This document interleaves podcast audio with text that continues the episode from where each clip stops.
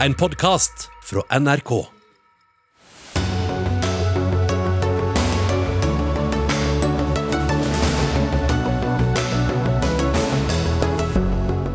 En ny europeisk superliga kommer til å ødelegge fotballen, hevder lederen av Liverpools supporterklubb i Norge. Nyheten har sendt sjokkbølger gjennom hele fotballverdenen.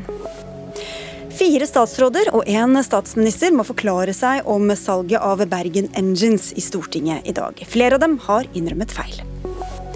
Havet fylles med søppel, Bunnen utarmes, arter dør og vannet stiger. Hvorfor klarer vi ikke å ta bedre vare på det livsviktige livet i havet? Og artiksen, artisten Tix ble kåret til årets Spellemann i helgens prisutdeling. Det mener Aftenpostens kulturkommentator er en kåring basert på ren kommers. Tix er en verdig vinner, svarer jurymedlem. Vel møtt til Dagsnytt 18, hvor vi også spør om det bør bli forbudt å fornekte holocaust. Jeg heter Sigrid Solund.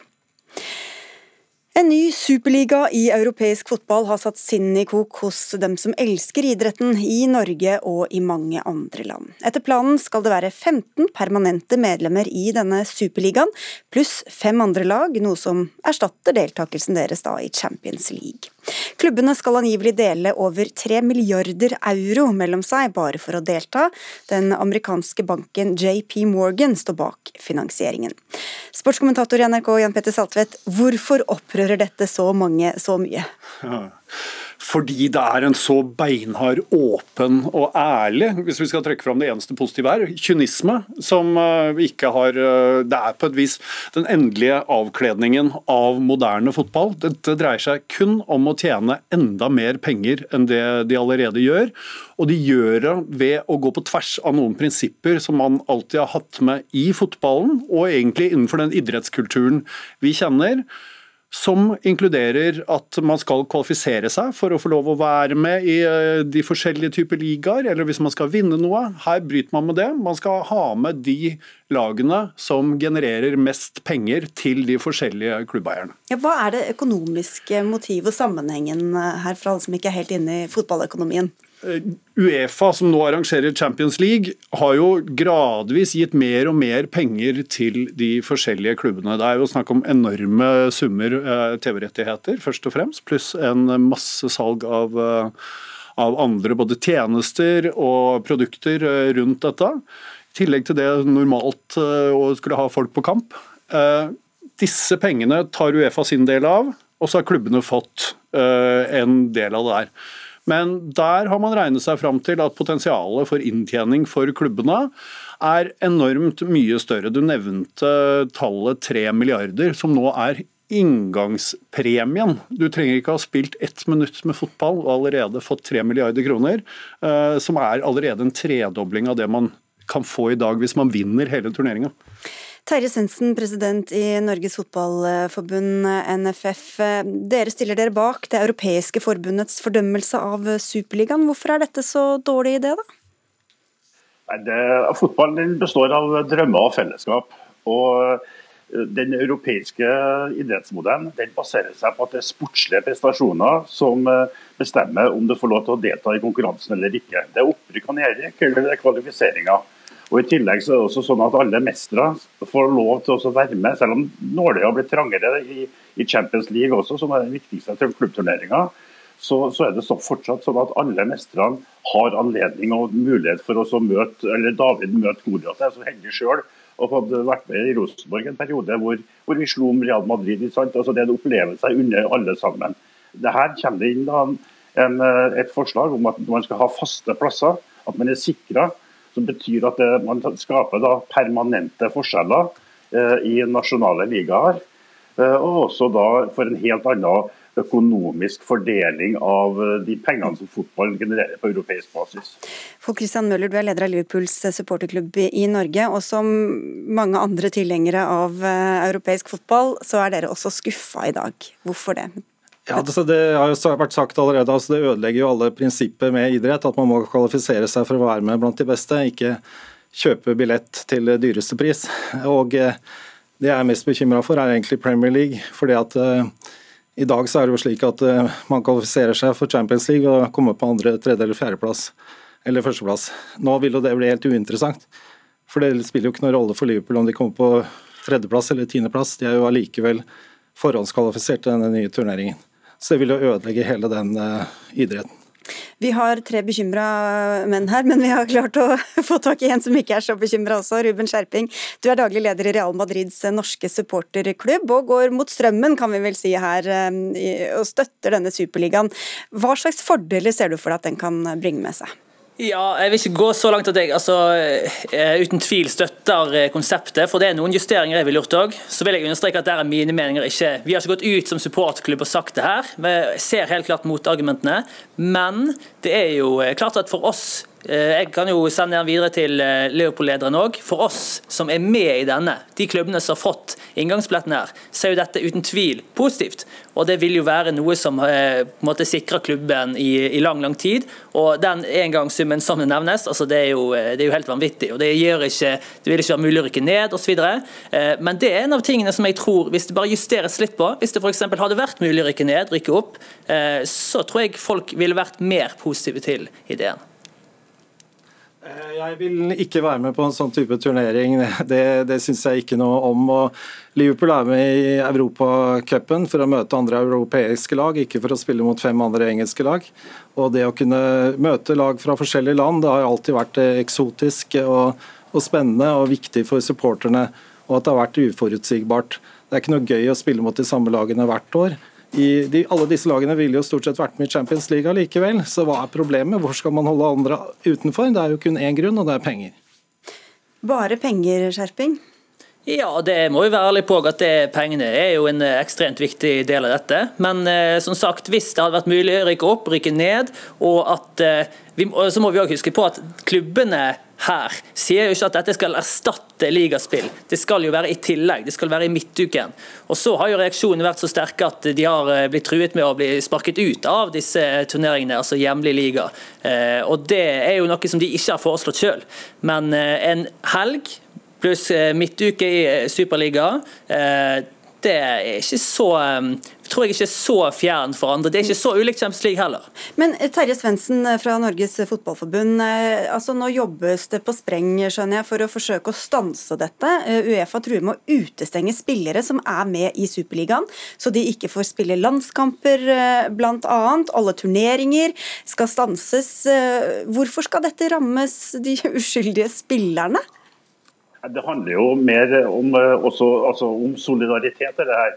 Og Uefa har jo hatt utfordringer med å balansere hensynet til storklubbene og da også da andre deltakende nasjoner og klubber i sine turneringer. I dag så går ca. 80% av inntektene eh, i Champions League-turneringene tilbake til klubbene, mens her altså er det noen som skal stikke av med, med hele kaka for den mest attraktive turneringa.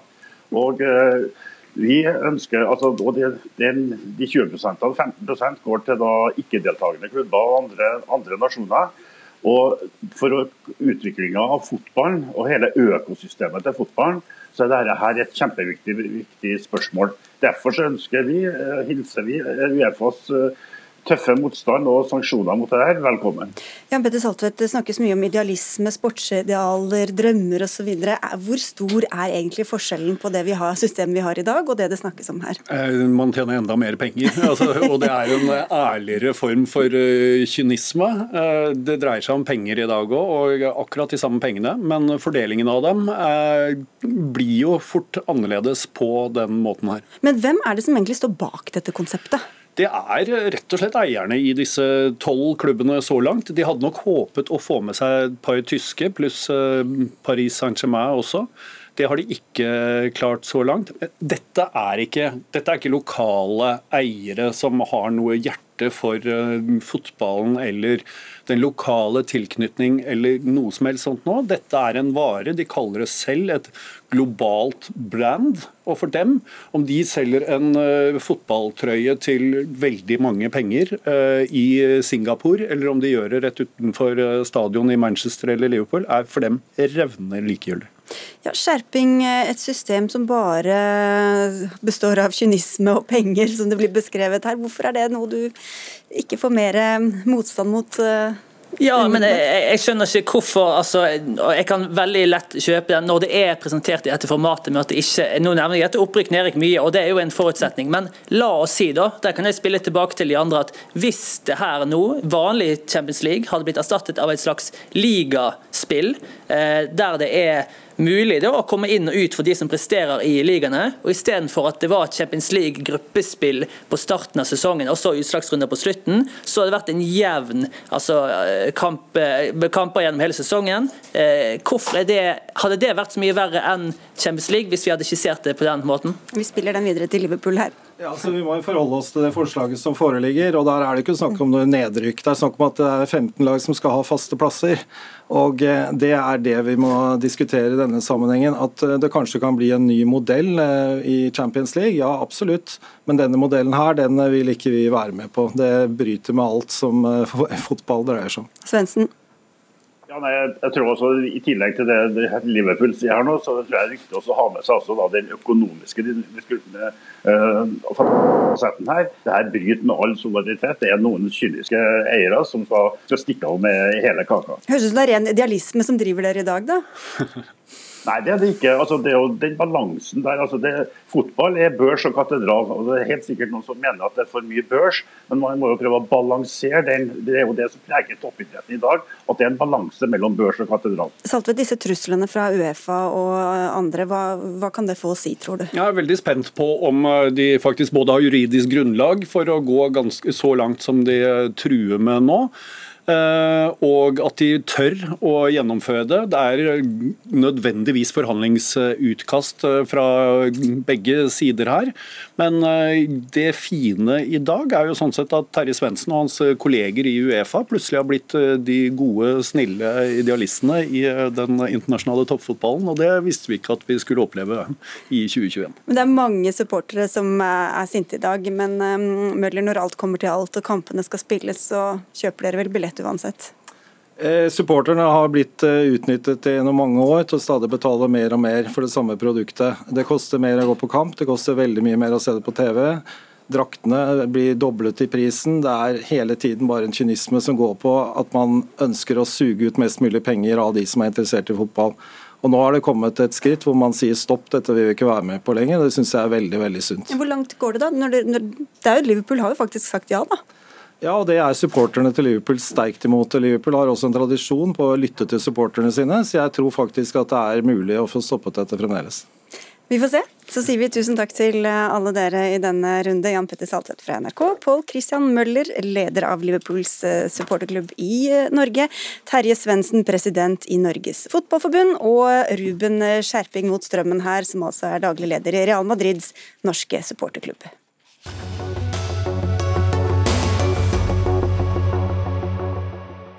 Én etter én innrømmet medlemmer i regjeringen å ha gjort feil under stortingshøringen om Bergen Engines i dag. Fabrikken Bergen Engines produserer motorer til norske og amerikanske militærfartøy. Planen var at den nåværende eieren, Rolls-Royce, skulle selge til et russisk kontrollert selskap. Etter mye om og men og kraftig kritikk, bl.a. fra opposisjonen, ble salget stanset av regjeringen den 23. mars. Politisk kommentator i NRK Lars Nehru Sand, du har fulgt med på høringen i dag. Justisminister Monica Mæland innrømmer at sikkerheten rundt salget burde vært vurdert tidligere. Hva er forklaringen på at det ikke skjedde? Helt konkret forklarer hun det med at eh, man trodde dette var en eh, utenrikspolitisk eksport- og salgssak eh, ordinært, og ikke innledningsvis så dette som en sikkerhetspolitisk sak av de dimensjoner det viste seg å bli. Skal man zoome litt ut fra det konkrete svaret, så handler det jo om utydelige rutiner, dårlig kommunikasjon og en usikker lovforståelse i det embetsverket som nå er. Og Da er det to datoer du har bitt deg merke i, nemlig 11.1 og 12.2. Eh, hvis vi begynner med den første, hva var det som var viktig med den datoen? Eh, det Stortinget til nå har fått vite, er at i midten av januar eh, så begynte regjeringen å arbeide med å sjekke om sikkerhetsloven var relevant. Det skjedde ved at man ga et oppdrag til sikkerhetsmyndighetene, og det er datert til 13. januar. Det har vært kjent og omtalt. Det nye i dag, som nær sagt plutselig kommer på bordet, er at den 11. januar, to dager før dette, så blir Næringsdepartementet kontaktet på telefon av en vi ikke får vite hvem er som sier at eh, vedkommende har interessante opplysninger eh, som gjør, det, eh, som gjør grunnlag for at Næringsdepartementets departementsråd, altså øverste embetskvinne, tar kontakt med andre departementer og sier at denne saken må man se nærmere på. Hva som hadde skjedd hvis den telefonsamtalen som da kom utenfra, ikke hadde kommet, eller kommet eh, to-tre uker senere, det vet vi ikke. Og vi vet heller ikke hvem som ringte. Men det gir et et eller annet inntrykk av at det var litt flaks eller tilfeldig at regjeringen grep fatt i dette i midten av januar. Og også interessant at etter dette så statssekretær, skrev statssekretær Lars Andreas Lunde i Næringsdepartementet eh, i forbindelse med advarsel mot, mot dette salget eh, sitat, Vi anser dette som en avtale om salg mellom to kommersielle aktører, noe departementet ikke skal eller bør blande seg inn i. Sitat slutt. Hvordan forklarer næringsministeren det?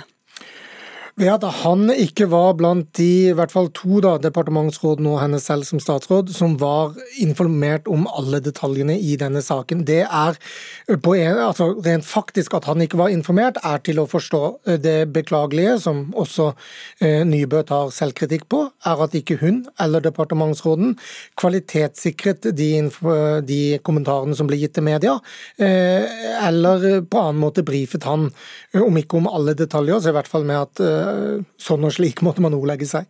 Og så Den andre datoen du har ringet rundt i februar, 12. februar, hva, hva skjedde da? Da får eh, regjeringsapparatet, eh, flere departementer, en, eh, en rapport fra E-tjenesten, som de da i januar ba om å, å se på denne saken. Hvor E-tjenesten har sin foreløpige konklusjon Eh, eller sitt faglige råd, som er blitt vant til i koronatidene, eh, som tilsier at det er lurt å stanse dette salget etter eh, å, å bruke sikkerhetsloven. Det betyr at alt som skjer i regjeringsapparatet etter 12.2, bl.a. en rekke svar til Stortinget i mars og, og til media, nå står i et helt annet lys, fordi eh, selv om man ikke da kunne sette to streker under svaret, så hadde man nok til å sette én strek under.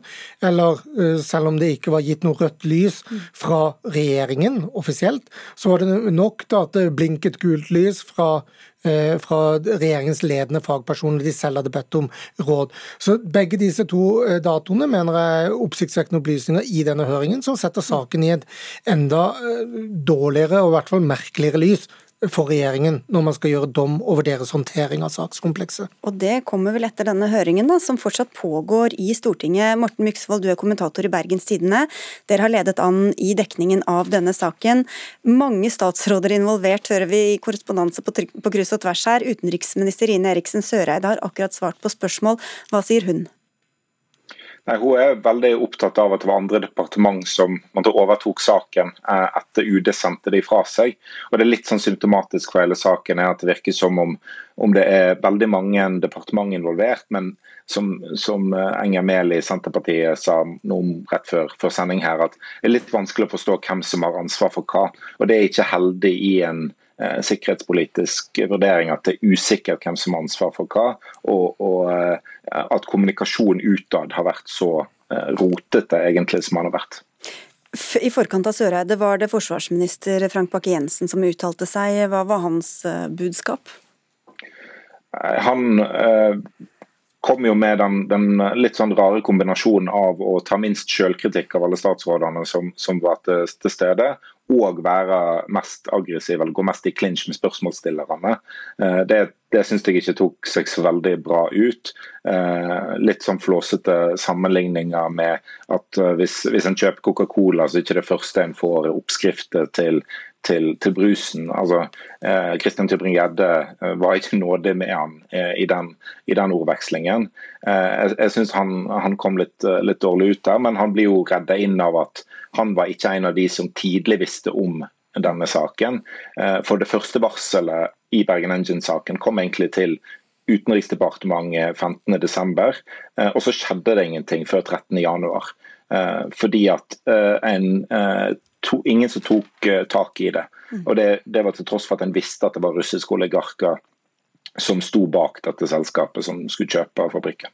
Men så ble det jo stanset, Lars Nehru Sand, så det blir jo ikke noe russisk oppkjøp her. Hvorfor er da dette en så viktig sak?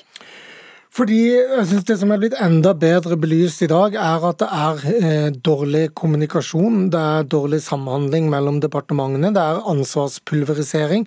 Og det det betyr, er at det er god grunn til å stille spørsmål ved om norsk beredskapstenkning i offentlig forvaltning er det spor bedre enn det var da Gjørv-kommisjonen eh, satte sin kritikk av hvordan ledelse og, og annet eh, virker i, i, departementet. Vi skal huske at både terrorangrepet 22.07 og pandemikomplekset, som regjeringen har fått en noe sammenlignbar kritikk av, det er ekstreme situasjoner over tid, men dette er snakk om en saksbehandling en ganske vanlig dag på jobben i disse departementene, hvor det kommer en, en henvendelse, og hvor det å bruke evne og bruke lovverket er en helt sentral del av eh, beredskapstenkningen. Og når det ikke går bra, eh, så er det eh, viktig at Stortinget gjør den jobben de gjør med å belyse eh, denne saken grundigere enn de allerede har gjort.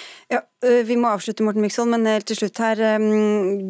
De visste jo at strategisk oppkjøp kan utgjøre en sikkerhetstrussel. Det var de blitt advart mot. Hva sier de selv i dag om hvordan dette er blitt forstått og, og handlet ut fra på tvers av sektorer og departementer? Regjeringen svarer egentlig på det på to måter. Det ene ved å først beklage at det ikke skjedde noe på en måned fra det første varselet, til å si at en hele tida har tatt saken på, på, alvor, og at regjeringen ikke har konkludert med noe før en konkluderte med å stoppe salget. Uh, og det, det, er litt sånn rart at en prøver seg på en sånn uh, tosporsforklaring på det. Nå skal Erna Solberg i ilden om 40 minutter omtrent, så da får vi se. Vi følger saken utover kvelden i NRK. Takk skal dere ha begge to, Morten Myksvold fra Bergenstidene og vår egen Lars Nehru Sand.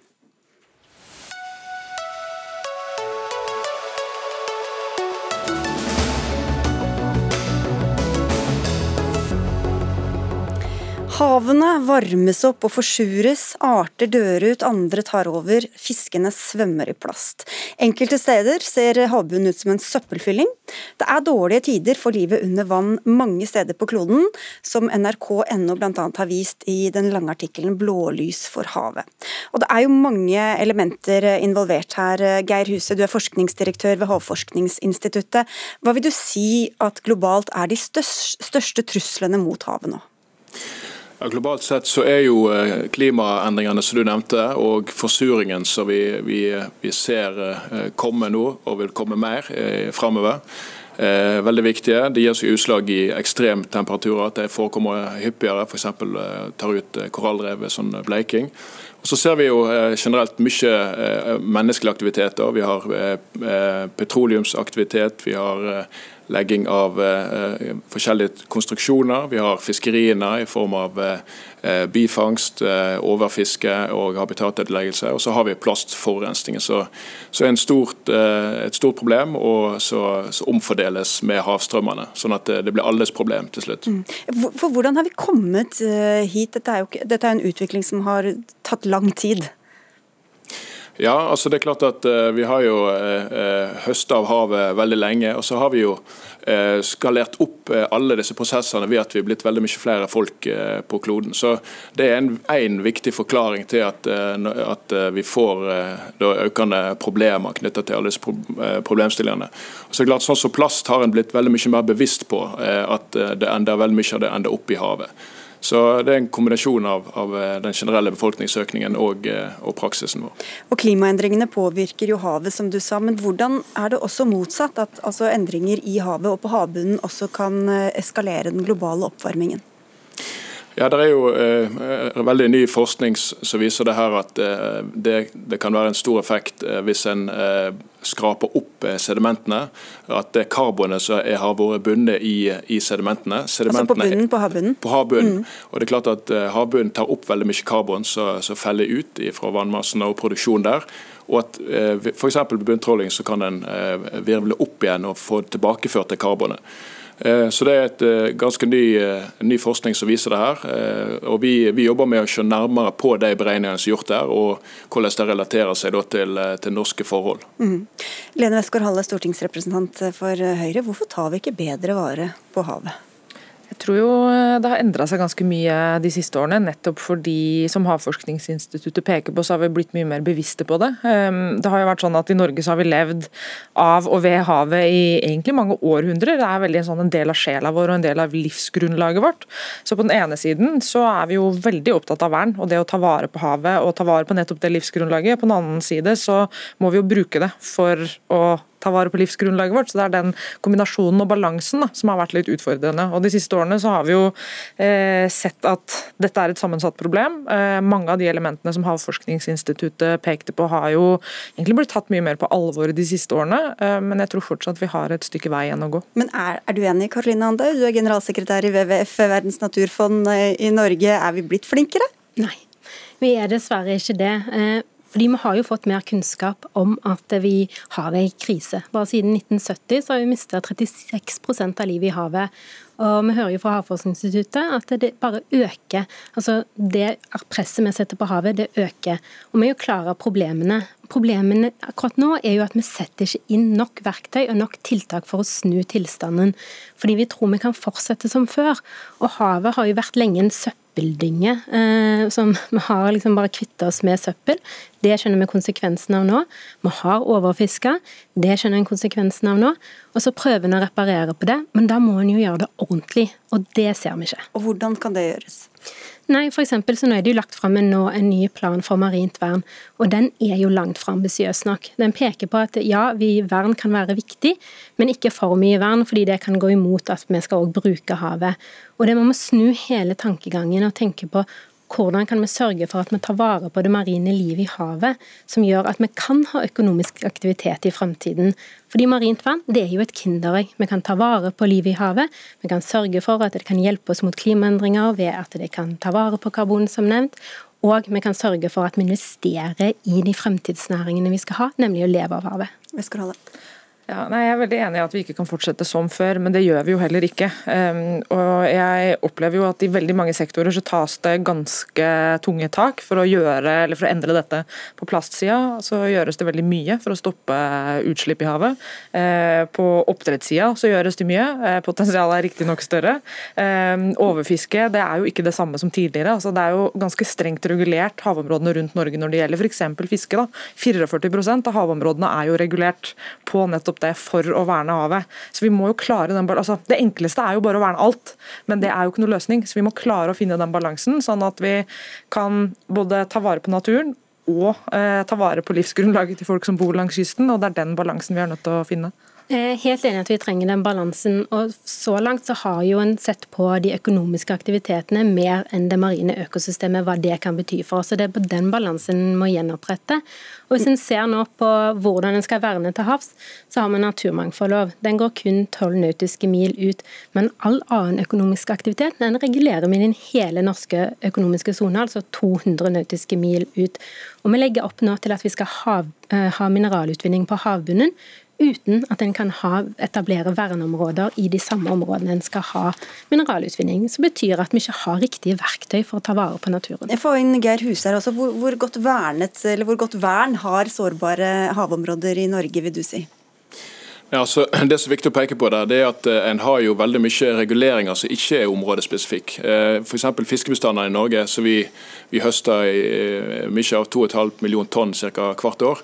De er jo forvalta ved hjelp av kvote og andre tekniske reguleringer, fordi at de beveger på seg hele tida. Det er ikke noe meningsfullt å ha, ha et, et, stort, omfattende arealvern for å verne dem, eller for å, for å regulere dem.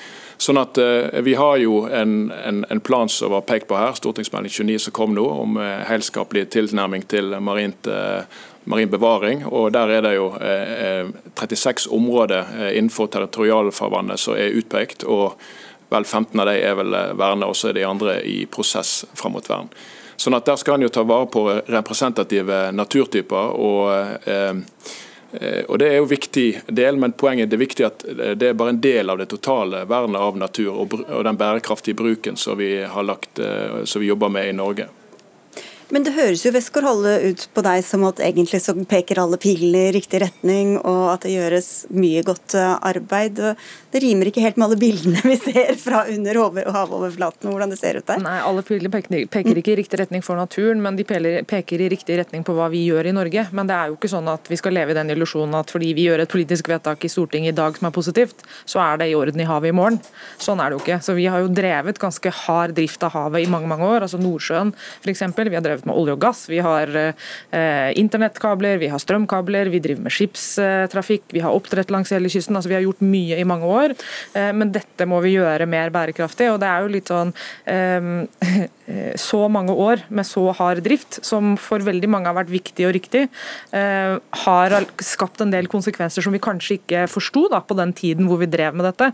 Nå skjønner vi det, og derfor må vi ta de takene, men det kommer til å ta tid før vi ser at dette fungerer. Og så er det jo ikke sånn at Norge kommer til å kunne sitte og gjøre alt dette alene. Vi er jo nødt til å samarbeide internasjonalt, og det gjør vi jo. Og der går jo Norge foran, bl.a. med havpanelet. Men det er jo mange interessekonflikter her også. Eh, du nevnte olje og gass, fiskeri osv. Og, så var du inne på om det er denne, mineralene på havbunnen som, som, mange er interessert i. Der kan det ligge eh, spennende saker som vi kan tjene mye penger på, i hvert fall ifølge en rapport bestilt av Norsk olje og gass eh, i fjor høst. Norge kan tjene milliarder av kroner på å utvinne, sa den. Dette skal jo da brukes i det grønne skiftet, kanskje. Lage elementer til, til viktig teknologi. Hvordan skal man vekte dette opp mot hverandre, da? Eh, først skal en jo finne ut hvilke verdier er det egentlig en har på dyphavet, der en nå har tenkt å gjøre mineralutvinning. Den jobben har vi ikke gjort. Så en begynner jo i feil ende ved å si at vi skal åpne opp for en ny næring uten å vite konsekvensene, og det må en snu på. Først må vi finne ut den informasjonen vi trenger, så kan vi se om det er forenlig med aktiviteter. Og når det kommer til mineralutvinning på havbunnen, så er det jo bare å gjenta de store problemene en har hatt på land til havs. Eh, ved at en gjør en skade i naturen som er uopprettelig. Og Da må en heller fokusere på land i forhold til å ha en grønn sirkulærøkonomi, og hvordan en kan gjenbruke mineraler istedenfor å heller ta ut nye mineraler. Og Så vil jeg jo peke på noe som Lene dro fram her. altså Politiske vedtak. Altså Vi har jo politiske vedtak i dag som går på tvers av det forskerne sier. Og Vi hadde et eksempel med iskanten i forbindelse med forvaltningsplanen for Barentshavet, der forskerne sa at dette området, som er særlig verdifullt, dette må defineres slik på kartet. Politikerne valgte å gjøre en annen tolkning for å legge til rette for aktivitet. Og det er, og det, er det må vi snu. En lang debatt. Westgård-Halle tråling ble også nevnt her. Er det en god idé å fortsette med det, syns du? Altså, det er jo ulike ty typer tråling, men uh, ja, jeg syns det er en god idé å fortsette med det. Men vi må gjøre det på en skånsom måte. og Vi er nødt til å passe på at ikke vi ikke ødelegger masse natur når vi gjør det. Men det er jo litt sånn at altså, hvis vi stopper med all virksomhet langs havet, så vil vi jo ta veldig godt vare på havet, men da har vi ingen inntekter, og det, det må vi ha. Men Karoline sier det at vi må være mer føre var, og det er jeg veldig enig i. Og der tror jeg nok kanskje Norge må være flinkere enn det vi har vært. Også når det gjelder mineralutvinning, som potensielt kan gi oss ganske store verdier. Ikke bare på kort sikt, men også på lang sikt. Helt til slutt, Geir Huset. Det er jo ikke så tilgjengelig, dette havdypet for de fleste av oss. Er det lettere tror du, å ignorere det vi ikke ser? Det tror jeg nok eh, faktisk. og Sammenligning hav og land, så har vi jo norsk eh, rødliste. og Der er bare 1,7% av de eh, artene lista som truer ifra marine miljø. Eh, en del av det er nok eh, kunnskapsmangel òg, men det, det sier òg litt om at havet er robust. og Hvis vi forvalter det riktig, så kan det eh, komme tilbake igjen fra de utfordringene vi nå ser. og Det tenker jeg òg er veldig viktig å ta med seg videre. Håp i hengende snøre. Takk skal dere ha alle tre. Lene Westgård-Halle fra Høyre, Karoline Andaur fra WWF og Geir Huse fra Havforskningsinstituttet.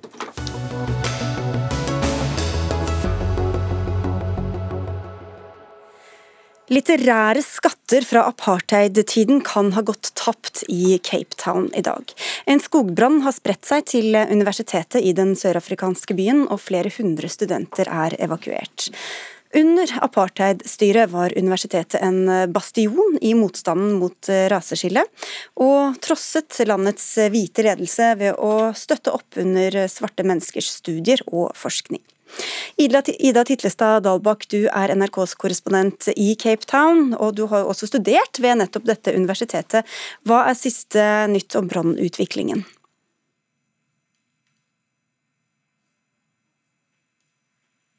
Der frøys du. Vi kommer tilbake til deg, vi, eh, Ida, og så går vi til deg mens eh, Andreas Libe Delseth.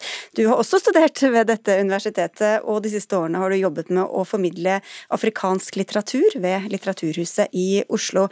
For å begynne med dette biblioteket, da, hva slags samlinger og verker kan ha gått uh, tapt i denne brannen? Ja, vi vet jo ennå ikke akkurat hva som har gått tapt. og Det har jo versert rykter i dag fram og tilbake mellom, mellom folk om, om hva som Eh, kan ha vært eh, gått tapt. da, Men den bygninga som ser ut til å ha vært hardest ramma, den inneholdt noen ganske unike samlinger. Spesialsamlingene til universitetet, bl.a. en del eh, de, alle de liksom spesielle gamle bøkene, bøker tilbake til 1800-tallet. En unik panafrikansk filmsamling, privatsamlinger.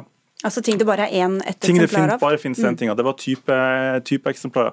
Det er også snakk om at kanskje de naturvitenskapelige samlingene med masse av disse typeeksemplarene hvis det er liksom første gangen vitenskapsmennene beskrev en art, og så lagra et eksemplar for ettertida, kan ha gått tapt. Eh, kanskje, kanskje har de blitt redda.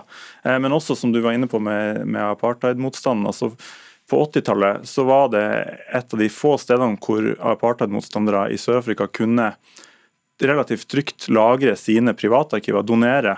Eh, det finnes f.eks. unike samlinger der med bøker som var sensurert under apartheid, forbudt under apartheid, eh, som pga. at universitetet kunne være en slags sånn frihavn i sin hvite, eh, trygge akademiske frihet, eh, så kunne man faktisk la, lagre ting der. Og, og det, de samlingene som da utgjør da Senter for Afrikastudier sine samlinger, som de er faktisk de jeg F.eks. en pamflettsamling som jeg skrev oppgave om når jeg var på universitetet, som antageligvis dessverre er gått tapt. Er det digitalisert, disse tingene? Altså Er de mulig å oppspore selv om de skulle vært Noe av det er det, men ikke alt, dessverre. Eh, de har, det har vært gjort et veldig bra arbeid de siste årene, bl.a. med å, å eh, brannsikre og flytte og sentralisere samlingene og sånt. og Det har, blitt, har vært en bra digitaliseringsstrategi på universitetet i et par tiår. men Ressursene er selvfølgelig ikke sånn at de har eh, digitalisert alt, akkurat som vi ikke har i Norge heller, dessverre ennå. Det er jo det er jo litt som at, det er nesten litt som at liksom Nasjonalbiblioteket sin samling av eh,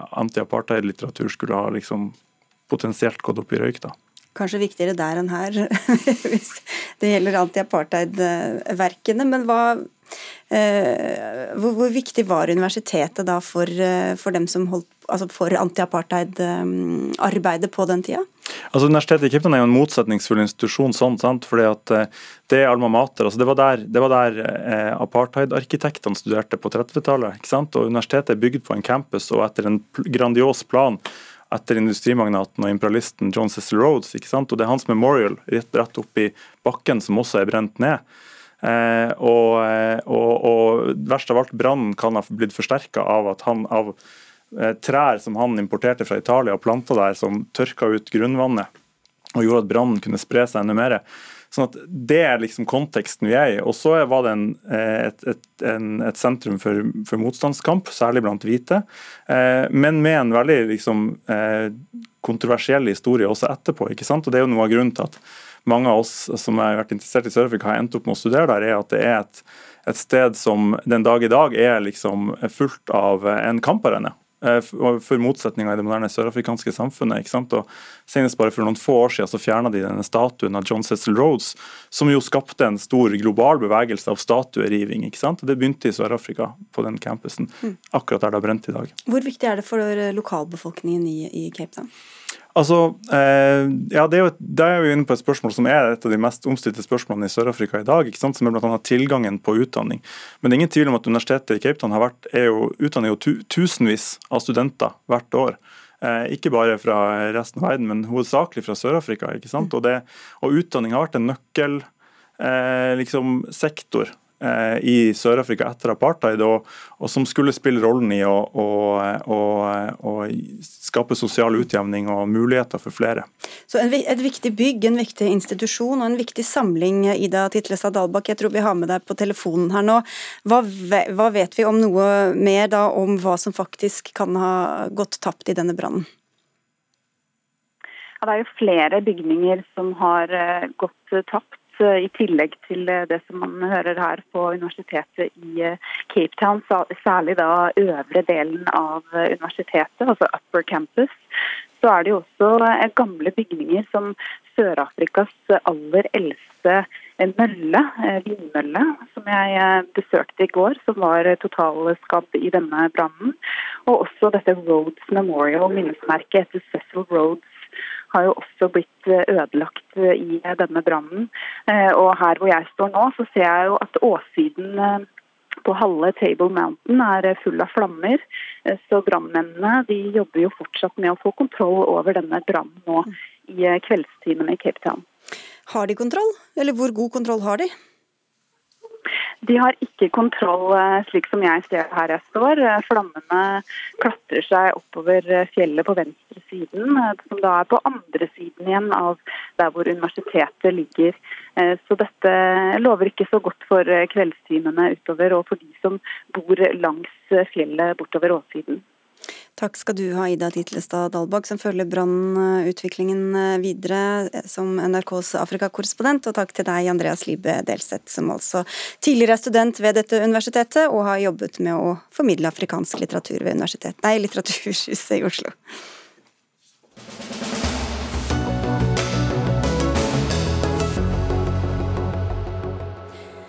Årets Spellemannpris ble utdelt i helgen, og i år gikk eh, prisen for Årets Spellemann til Andreas Haukeland, bedre kjent som Tix.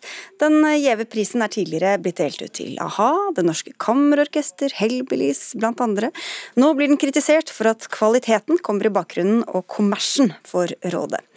Det er du som kommer med denne kritikken, blant andre. Robert eh, Hoftun Gjestad, du er kulturkommentator i Aftenposten. Hva syns du det virker som om juryen har lagt vekt på i dette tilfellet? Eh, her tror jeg de har lagt veldig tung vekt på strømmetall, eh, avspilling av YouTube, Spotify og andre sånne strømmetjenester. Eh, og at det på en måte har blitt det kriteriet som, som ligger øverst når det, når det, vurderes. Hva er da ikke tatt så god hensyn til? Ja, nei, altså det er jo blant annet, altså, altså, Kvalitet er jo et vanskelig begrep. Sant? Det er jo avhengig av smak og, og sånne ting, så det er jo vanskelig å diskutere det. Men, men det er jo et poeng f.eks. at uh, han ikke var uh, nominert i klassen pop. Uh, han var nominert med to låter i årets låt. Men det er på en måte en litt annen type pris igjen da, enn de der spesialprisene. Eh, det gir jo på en måte et signal om at, eh, at den ikke er god nok i pop, men likevel så blir den da årets Spellemann. Kjersti Brox, du satt i juryen og var med på å kåre årets Spellemann, og er styremedlem også i, i Spellemann. Fokuserer dere for mye på bare det kommersielle? Nei, det vil ikke jeg si.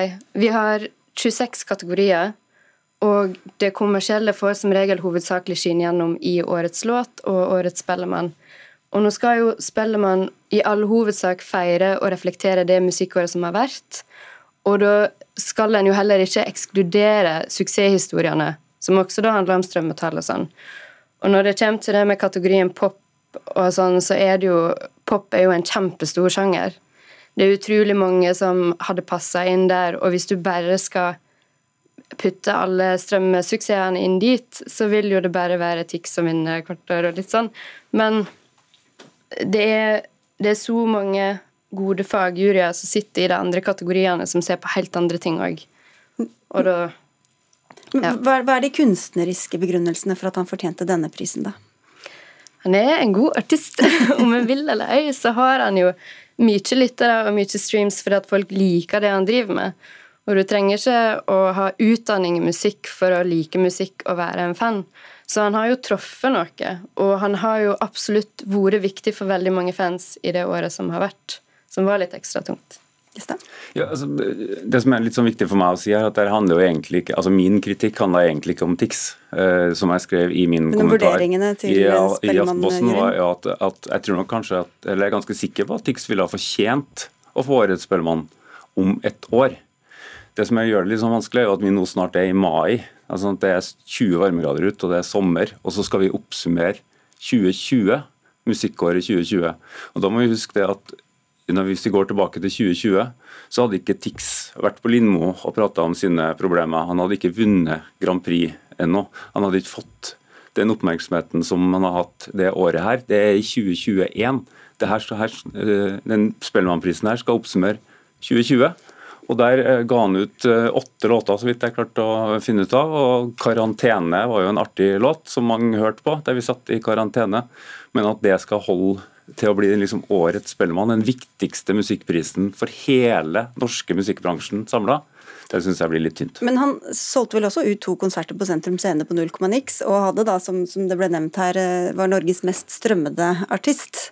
Det gjorde han også i 2020. Ja da, uh, han gjorde det. Og det, han strømma fantastisk bra, og det er ingen tvil om. Men, men jeg syns det ikke holder som det eneste kriteriet. Og så er det litt det at hadde det vært bare for 2020 det her, så hadde vi kanskje ikke sittet der og diskutert det. Men det her begynner jo å bli en historie som går tilbake en del år der årets Spellemann nok en gang, og musikkbransjens viktigste pris, har dreid i en kommersiell retning gjennom en periode på en fem-seks år. Som jeg har uh, også skrevet om før og kommentert, og jeg syns det er en feil vei å gå. Og jeg syns det også ble feil for musikkåret 2020. Brooks?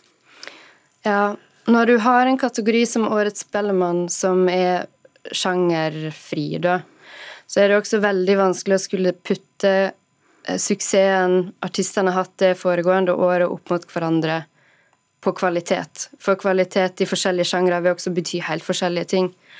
Så når du skal oppsummere og feire det året som har vært, så skal du ha utmerka deg på et vis. Det er jo en av kriteriene til årets Spellemann.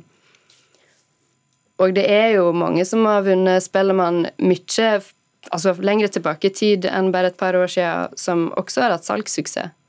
Men kan man bare si at den som blir mest strømmet eller selger mest, den blir automatisk Nei. årets spellemann, da? Det, det, skal ikke være sånn, og det er heller ikke sånn. Det er jo en diskusjon vi har i juryen, og det er flere som har blitt diskutert til denne prisen. Og en prøver jo å se på flere ting, men når en har den suksessen som Tix har hatt, eller som foregående vinnere, så er det vanskelig å ikke skulle anerkjenne det. For det har vi også fått kritikk for, at vi ikke har anerkjent strømmesuksesser i Spellemann tidligere. Ja, jeg er jo glad for at du sier at, eh, at, det ikke nødvendigvis skal være sånn at vi bare skal se på et Spotify-liste, og dermed så kårer vi eh, årets Spellemann. Men det har jo vært litt sånn. Eh, det var, Jeg vet ikke om vi skal dra navn nødvendigvis, for det handler kanskje ikke så mye om navn. Men det har jo vært Marcus Martinus, det var Stress, da ble det en debatt, og så har det vært Alan Walker. Og sånne ting. Og Det er jo kjempeflinke folk, men det er jo masse andre flinke folk som lager utrolig bra musikk, og som får enormt med ros, eh, både hjemme her og i utlandet. Som på en måte ikke da har en sjanse, eh, i og med at det virker som om det Sånn som, sånn som utviklinga har vært, så virker det som om det ligger så mye tyngre i potten når du skal vurdere årets Spellemann, og det, det, da blir det vanskelig for en del andre. For Hva er egentlig kriteriene for hvem som skal få akkurat denne prisen? Det er at du skal utmerke deg. Eh, at utøveren eller utøverne skal utmerke seg i året som har vært. Og utenom det så er det åpent for alle. For en, en, kan ikke ha for mange kriterier heller. Det er jo musikk, det åra endrer seg, det er alltid noe nytt som skjer. Det vil variere enormt. Og der er jo selvfølgelig kjempemange som fortjener en sånn pris, det er det jo. Men når du skal veie dem opp mot hverandre, så må en jo også prøve å se på hvem som en tenker fortjener det mest. Og da er det selvfølgelig kjipt å måtte gå opp mot mest strømma artist, er jo et godt argument, men det er ikke det eneste. Det er jo helt klart. Hvem hadde vært eh, et bedre valg? Jeg foreslo egentlig to stykker, eh, litt sånn kjapt i min eh, kommentar etter utdelinga. Sondre Lerche var et navn som jeg dro opp. Han han utmerka seg jo spesielt i det 2020-koronaåret med å være rask på ballen med å spille konsert fra egen stue. Han booka om en hel turné fra å være med fullt band til å være en soloturné som han da rest, landet rundt og spilte med god avstand og, og munnbind. Eh, og, og, og, tok liksom det grepet, i tillegg til at han ga ut karrierens soleklart beste plate. Så jeg foreslo han, som kunne ha vært en god kandidat, som også hadde på en måte oppsummert 2020 da, mer enn 2021. Eh, og så nevnte jeg Lise Davidsen, operasangeren, som da starta 2020 med å synge den første av fem hovedroller på Metropolitan i New York, som jo ikke akkurat er småtteri når vi snakker om eh, suksess. da. Var de oppe til vurdering? Ja, det var snakka om. det var det. Men jeg vil bare Du nevner det med 2021 og 2020 så mye. Juryen hadde møte og bestemte hvem som skulle være vinner i desember. Og da vet vi jo ikke hvordan 2021 blir. Og når Spellemann skal ta hensyn til det året som har vært, så blir det jo litt vanskelig å skulle tippe hvordan karrierene til de forskjellige artistene blir videre. Og det er jo også med tanke på at jeg skal oppsummere året, så blir det litt vanskelig å skulle ikke gi prisen til noen fordi at de kanskje gjør det bedre neste år. Det er jo kjempebra for artisten, men det blir jo ikke noe vi skal på en måte bruke mot den, tenker jeg. Og da er det jo Det er kanskje litt rart når dette kom etter MGP og alt. Han har jo vært mye i media nå, årets vinner. Men det visste vi jo ikke om i det hele tatt når dette ble bestemt. Dere var forutseende. Takk skal dere ha. Det blir spennende å se da, hvis han f.eks. skulle gå bort og vinne Eurovision nå. Da, da blir han i hvert fall den første som da får årets Spellemann to år på rad. Det har jeg ikke skjedd før. og det, Da ses vi gjennom et år, da. Ja, takk skal dere ha begge to. Robert Hoftun, gjester fra Aftenposten, og Kjersti Brox fra Spellemann.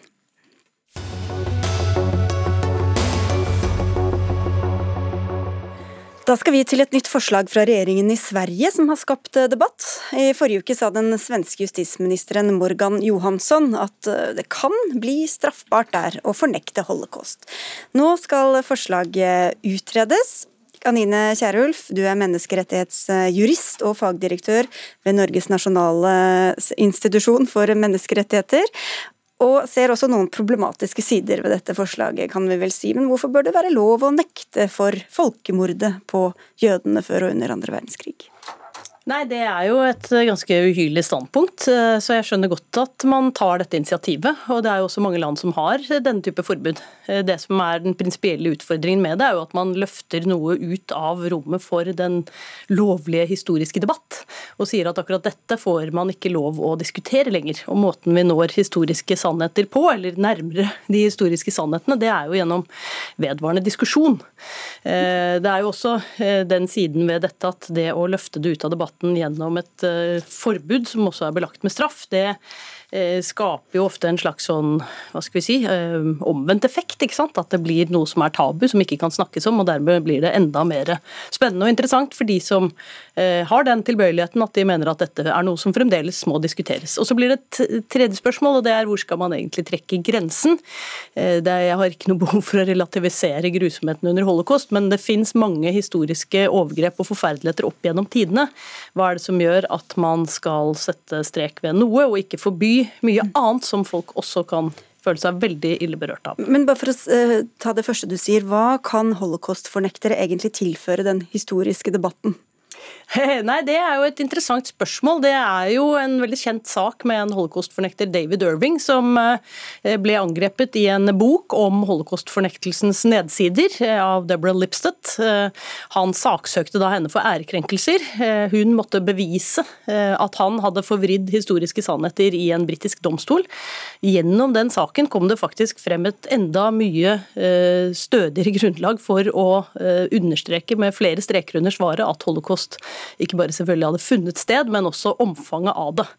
Eh, sånn at det å ta ting ut av debatten gjennom å lovregulere hva folk skal kunne mene noe om av historiske fakta, eh, det er en uveisom vei å gå. Ervin Kohn, forstander i Det mosaiske trossamfunn og nestleder i Antirasistisk Ikke nå lenger. Ikke, vi, må oppdatere, vi må oppdatere ja. kontaktarkivet vårt her. Jeg er bare, blitt, jeg er bare rådgiver lenger. Åh, så, unnskyld for alt jeg har sagt. Det går så fint. Vi er med. Hva syns du om forslaget fra den svenske regjeringen? Jeg har tenkt litt på det og tenkt at det kanskje er en sånn uttrykk for, eh, for fortvilelse. Eh, altså, De har et høyere nivå på antisemittisme i Sverige kanskje, og eh, tenker at hva skal vi gjøre? Så tyr man til dette. Den jødiske stemmen i, i dette spørsmålet er som da vanlig delt. Jeg er ikke for å forby ved lov. Men det er viktig å skille mellom det som er legalt og det som er legitimt. Og vi har f.eks. Eh, verken vi, danskene eller svenskene har hittil eh, hatt noe forbud mot holocaustfornektelse. Eh, men, men bl.a. fordi at det har vært illegitimt i Norge. Et godt eksempel på det er da litteraturfestivalen Lillehammer inviterte David Irving før de fant ut at dette ikke var noen særlig god idé, og så avinviterte de ham. Så det er illegitimt. På samme måte som det å brenne et norsk flagg på Karl Johan 17. mai. Det er jo ingen som vil finne på å gjøre det, for det er helt illegitimt, selv om det ikke er forbudt. Så, men så hvis tidene endrer seg og dette blir mer si, utbredt? altså, problemet er hvordan skal vi bekjempe antisemittismen? Og Det er det problemet den svenske justisministeren som har kommet med dette forslaget, antagelig liksom har bala med. Og, og Da er det viktig å se på det. og Holocaust-fornektelse er én del av antisemittismen. Og vi har i dag lovgivning, f.eks. straffelovens paragraf 185, som kan også ta holocaust-fornektelse dersom Eh, påtalemyndigheten og domstolen ønsker det. Så vi behøver ikke en lov spesifikt som forbyr holocaustfornektelse. Altså Dagens lovverk eh, omfatter også potensielt holocaust? Dersom vi ønsker det, så gjør den det. ja, det kan nok tenkes tilfeller hvor holocaustfornektelse som ledd i en litt større ytringssituasjon kan rammes av den bestemmelsen. Det er jeg helt enig i. Eh, og så er det jo, som vi var inne på innledningsvis, eh, en rekke land som har hatt denne type forbud eh, i lang tid. Det er dessverre lite som tyder på at det er et veldig egnet virkemiddel til å bekjempe antisemittisme i de landene der hvor det fins. Hvorfor det? Hva er erfaringene derfra? Nei, Det er jo til dels dessverre økende antisemittisme i mange av de landene som har denne type forbud. Uten at det nødvendigvis er noen sammenheng der? Det er ikke fordi de har denne type forbud, det er helt ja. klart. Men det er et ikke helt uvesentlig moment hvis man skal tenke på dette fra en menneskerettslig eller rettslig side. Fordi vi har jo ytringsfrihet i Grunnloven, og den kan man gjøre eh, inngrep i. Men det forutsetter jo at eh, de virkemidlene man bruker for å bekjempe eh, eh onder, som antisemittisme, er egnet. Og så til eh, det du sier, Kohn, også at motivasjonen her er jo å bekjempe antisemittisme. Og da vil du heller forby noe annet enn disse ytringene? Ja. Det jeg syns vi, vi, burde forby, som vi er forpliktet til å forby i FN-konvensjonen mot rasediskriminering, eh, som vi ratifiserte uten forbehold i 1970. Der har vi inkorporert hele den i norsk lov utenom artikkel 4b. Og Den pålegger Norge å forby nazistiske, rasistiske organisasjoner, å forby deres propaganda og å bøtelegge deres medlemmer. Den bør vi innføre i norsk lov. Og Da hadde f.eks. ikke politiet stått rådville, som de gjorde i Kristiansand i 2017, da nazistene marsjerte gjennom eh, Kristiansands gater. Er det like problematisk, Kjerulf? Ja, Det strider jo mot uh, foreningsfriheten, og, det er også en utfordring å kriminalisere det å være deltaker i et forbund, istedenfor å, sånn som vi gjør, da, uh, kriminalisere det man eventuelt gjør i en sånn forening. Uh, det er jo også sånn at, og det er riktig det som Ervin sier, at det fremgår av Rasediskrimineringskonvensjonen at man er pålagt å ha et sånt forbud. Dette har jo vært vurdert i Norge i en, en rekke ganger, senest for et par år siden. Og man har hver gang landet på, og da med Riksadvokatens støtte og andre holdt på å si, tunge institusjoner som ellers av og til til kan være for eh, nye straffebud, eh, at dette er en type kriminalisering som både er prinsipielt problematisk, men som hovedsakelig eh, man går mot fordi det er veldig lite som tyder på at det virker. Dette er typisk løst sammensluttede organisasjoner, ikke sånn som registrerer seg i Brønnøysund. Det er ikke så lett på en måte å forby holdningene og, og det som ligger til grunn for at denne, denne type sammenslutninger oppstår gjennom et sånn type forbud. Og det er også det at vi tenker at det å kriminalisere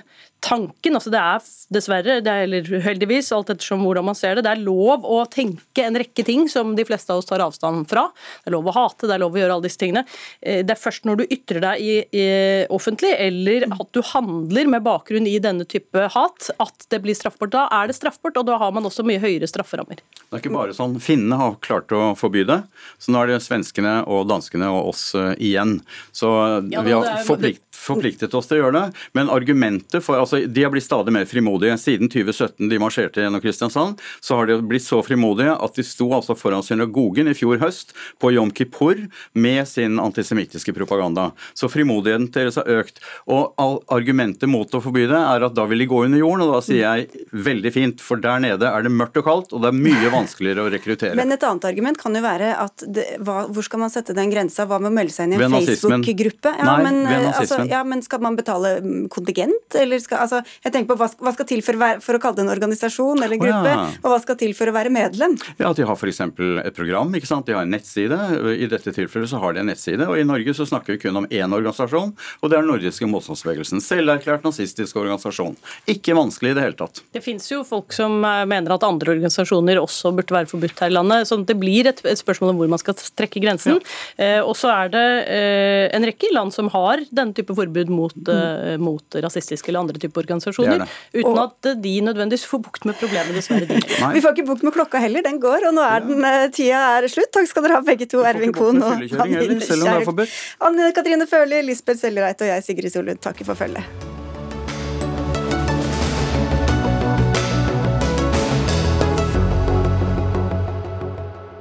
Du har hørt en podkast fra NRK. Hør flere podkaster og din favorittkanal i appen NRK Radio.